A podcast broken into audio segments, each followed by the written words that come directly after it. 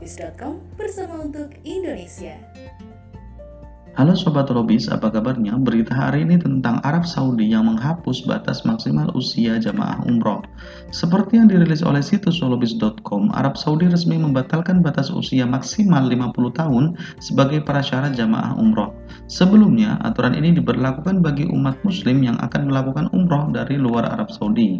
Arab Saudi sebelumnya menetapkan batas usia minimal 18 tahun dan maksimal 50 tahun untuk mengeluarkan izin melakukan umroh dan sholat di Masjidil Haram maupun Masjid Nabawi.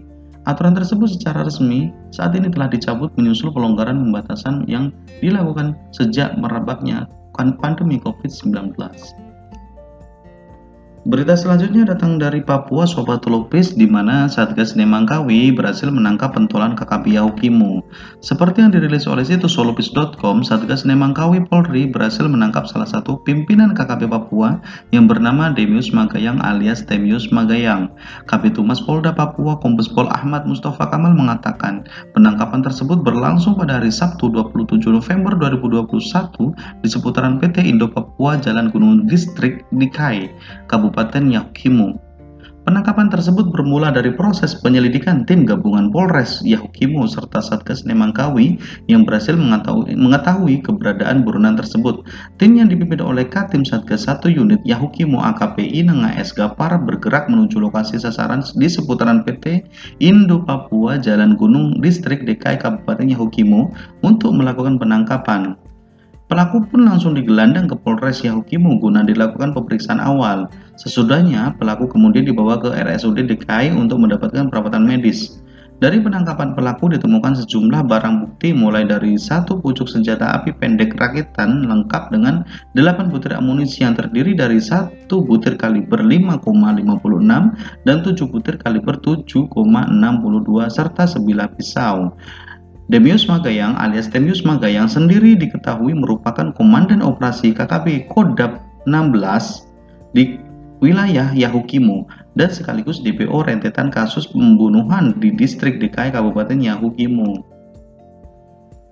Berita selanjutnya Sobat Lupis kembali ke Indonesia di mana untuk menjalankan mesin partai wilayah Jawa Tengah DPC Semarang Partai Gerindra diresmikan.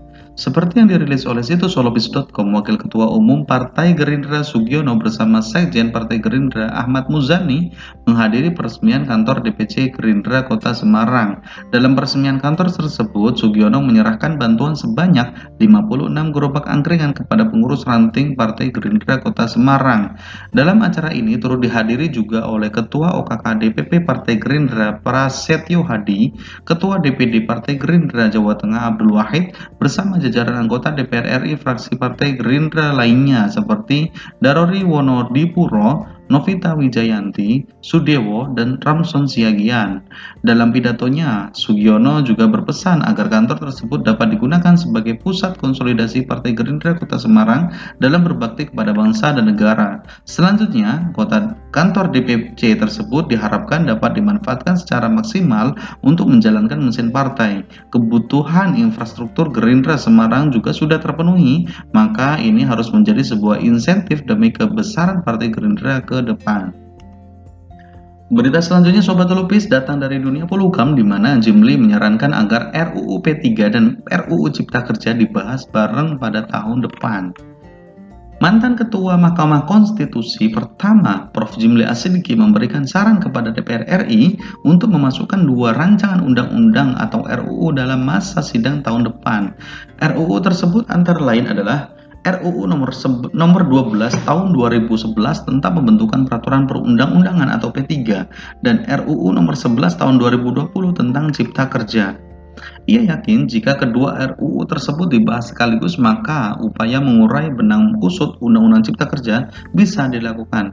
Pun demikian, pakar hukum tata negara yang juga saat ini menjabat sebagai Ketua Umum Ikatan Cendekiawan Muslim Indonesia atau ICMI menuturkan bahwa perlu ada catatan penting yang tidak boleh diabaikan, yakni memastikan partisipasi publik benar-benar dibuka secara luas. Hal ini dilakukan agar jangan sampai di dalam proses pembentukan undang-undang tersebut menjadi kesalahan lagi seperti yang telah dialami oleh Undang-Undang Cipta Kerja Berita selanjutnya, Sobat Lopez datang dari dunia internasional di mana Amerika Serikat memuji Afrika Selatan karena berhasil mendeteksi varian COVID-19 bernama Omicron. Amerika Serikat memberikan pujian kepada Afrika Selatan karena dianggap berhasil mengidentifikasi varian COVID-19 baru yang telah diberi nama Omicron. Menteri Luar Negeri Amerika Serikat Anthony Blinken berbicara dengan Menteri Hubungan Internasional Afrika Selatan Nela Dipendor untuk membahas kerjasama dalam memvaksinasi orang-orang di Afrika terhadap COVID-19. Berita selanjutnya bergeser ke DKI Jakarta di mana PII DKI Jakarta siap menyongsong Indonesia Emas 2045. Ketua Pengurus Wilayah Pelajar Islam Indonesia DKI Jakarta Izzuddin Rabbani mengatakan bahwa kader pelajar Islam di seluruh Indonesia harus siap menjadi sosok yang mampu bersaing dan menghadapi tantangan yang ada. Hal ini dikatakan Izzuddin sebagai bentuk persiapan generasi milenial Indonesia untuk mewujudkan semangat cita-cita Indonesia Emas 2045. Ia berharap seluruh kader PII baik di DKI Jakarta maupun di seluruh Indonesia mampu terlibat dalam upaya mewujudkan cita-cita besar tersebut. Kemudian, ia juga memberikan semangat kepada seluruh kader dan pengurus PII DKI Jakarta bahwa mewujudkan Indonesia Emas 2045 bukan, bukan persoalannya mustahil. Hal ini bisa mengambil pelajaran dari para pejuang Indonesia terdahulu. Dengan kegigihan dan kekompakan, maka tantangan untuk mewujudkan Indonesia yang dicita-citakan pasti bisa terwujud. Demikian berita yang dapat saya bacakan hari ini. Sobat Holopis bisa mengupdate informasi selanjutnya di situs kesayangan kita holopis.com. Di sini Ibnu melaporkan. Holopis.com bersama untuk Indonesia. Halo, apa kabar Sobat Holopis? Masih bersama saya Fiska Dwi Astuti yang akan membacakan rangkuman berita yang dapat Anda baca selengkapnya di holopis.com. Pemberlakuan PPKM level 3 saat libur Natal dan Tahun Baru atau Nataru pastinya akan ada kebijakan yang dibuat untuk membatasi pergerakan masyarakat dan akan berdampak pada berbagai sektor industri. Namun, Menteri Pariwisata dan Ekonomi Kreatif Republik Indonesia Sandiaga Uno menegaskan bahwa bioskop akan tetap buka walaupun statusnya PPKM level 3. Hanya saja kapasitas penonton per studio akan dikurangi. Sandiaga juga mengatakan akan mengkampanyekan bioskop sebagai tempat aman menonton film karena menerapkan protokol kesehatan ketat serta disiplin. Tetap bukanya bioskop dikarenakan industri film menjadi subsektor yang menciptakan begitu banyak lapangan kerja. Untuk diketahui, pemerintah telah umumkan penerapan PPKM level 3 selama libur Natal dan Tahun Baru atau Nataru dari 24 Desember 2021 hingga 2 Januari 2022 untuk menekan lonjakan kasus COVID-19. Berita selanjutnya, Kumis bukan sembarang kumis. J.K. Simmons tahu persis apa yang paling diinginkan para pencinta MCU khususnya penggemar Spider-Man versi Sam Raimi di tahun 2002 sampai 2007. Aktor asal Amerika Serikat tersebut menceritakan kisahnya saat akan kembali memerankan karakter ikonik yang sebelumnya ia perankan di trilogi Spider-Man arahan sutradara Sam Raimi. Akhirnya, Simmons memang tampil botak saat memerankan J. Jonah Jameson di Spider-Man versi Tom Holland. Namun, saat pihak Sony mulai menyinggung tampilan kumis ikonik Jameson, Simmons pun tetap teguh pada pendiriannya. Meskipun berusaha tetap mempertahankan esensi dari karakter J. Jonah Jameson, Simmons mengakui tetap ada sedikit perubahan dari karakter bos Peter Parker yang sudah sangat melekat di hati para penggemar generasi milenial itu. Spider-Man No Way Home akan tayang di bioskop pada tanggal 17 Desember 2021 mendatang. Tom Holland akan kembali memerankan Spider-Man atau Peter Parker yang sedang berusaha menyelesaikan permasalahan dunia yang melibatkan banyak orang. Siapa nih yang sudah tidak sabar menonton Spider-Man No Way Home? Berita selanjutnya, Inggris, Italia, dan Jerman telah deteksi kasus COVID-19 varian Omicron di wilayah mereka. Dua kasus Omicron ditemukan di Inggris. Kedua orang ini diduga pernah mengunjungi Afrika Selatan belum lama ini. Inggris pun menambah empat negara Afrika yang akan masuk ke perjalanan daftar merah, yaitu Angola, Mozambik, Malawi, dan Zambia. Sementara itu, dilansir dari Reuters 27 November, dua kasus Omikron ditemukan di negara bagian Jerman, Bavaria. Kedua orang tersebut sebelumnya pergi ke Afrika Selatan. Di Italia, Institut Kesehatan Nasional mengumumkan bahwa satu orang warga mereka dinyatakan positif COVID-19 varian Omicron setelah berpergian dari Mozambik. Semakin banyaknya kasus Omicron ditemukan, Uni Eropa, Amerika Serikat, hingga Asia kompak untuk menutup perbatasan dari dan menuju Afrika Selatan.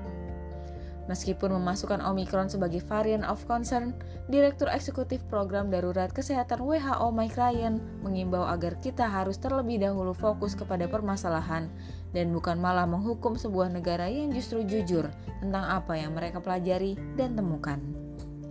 Seperti diberitakan sebelumnya, Organisasi Kesehatan Dunia atau WHO mengatakan varian Omicron adalah varian yang lebih mengkhawatirkan.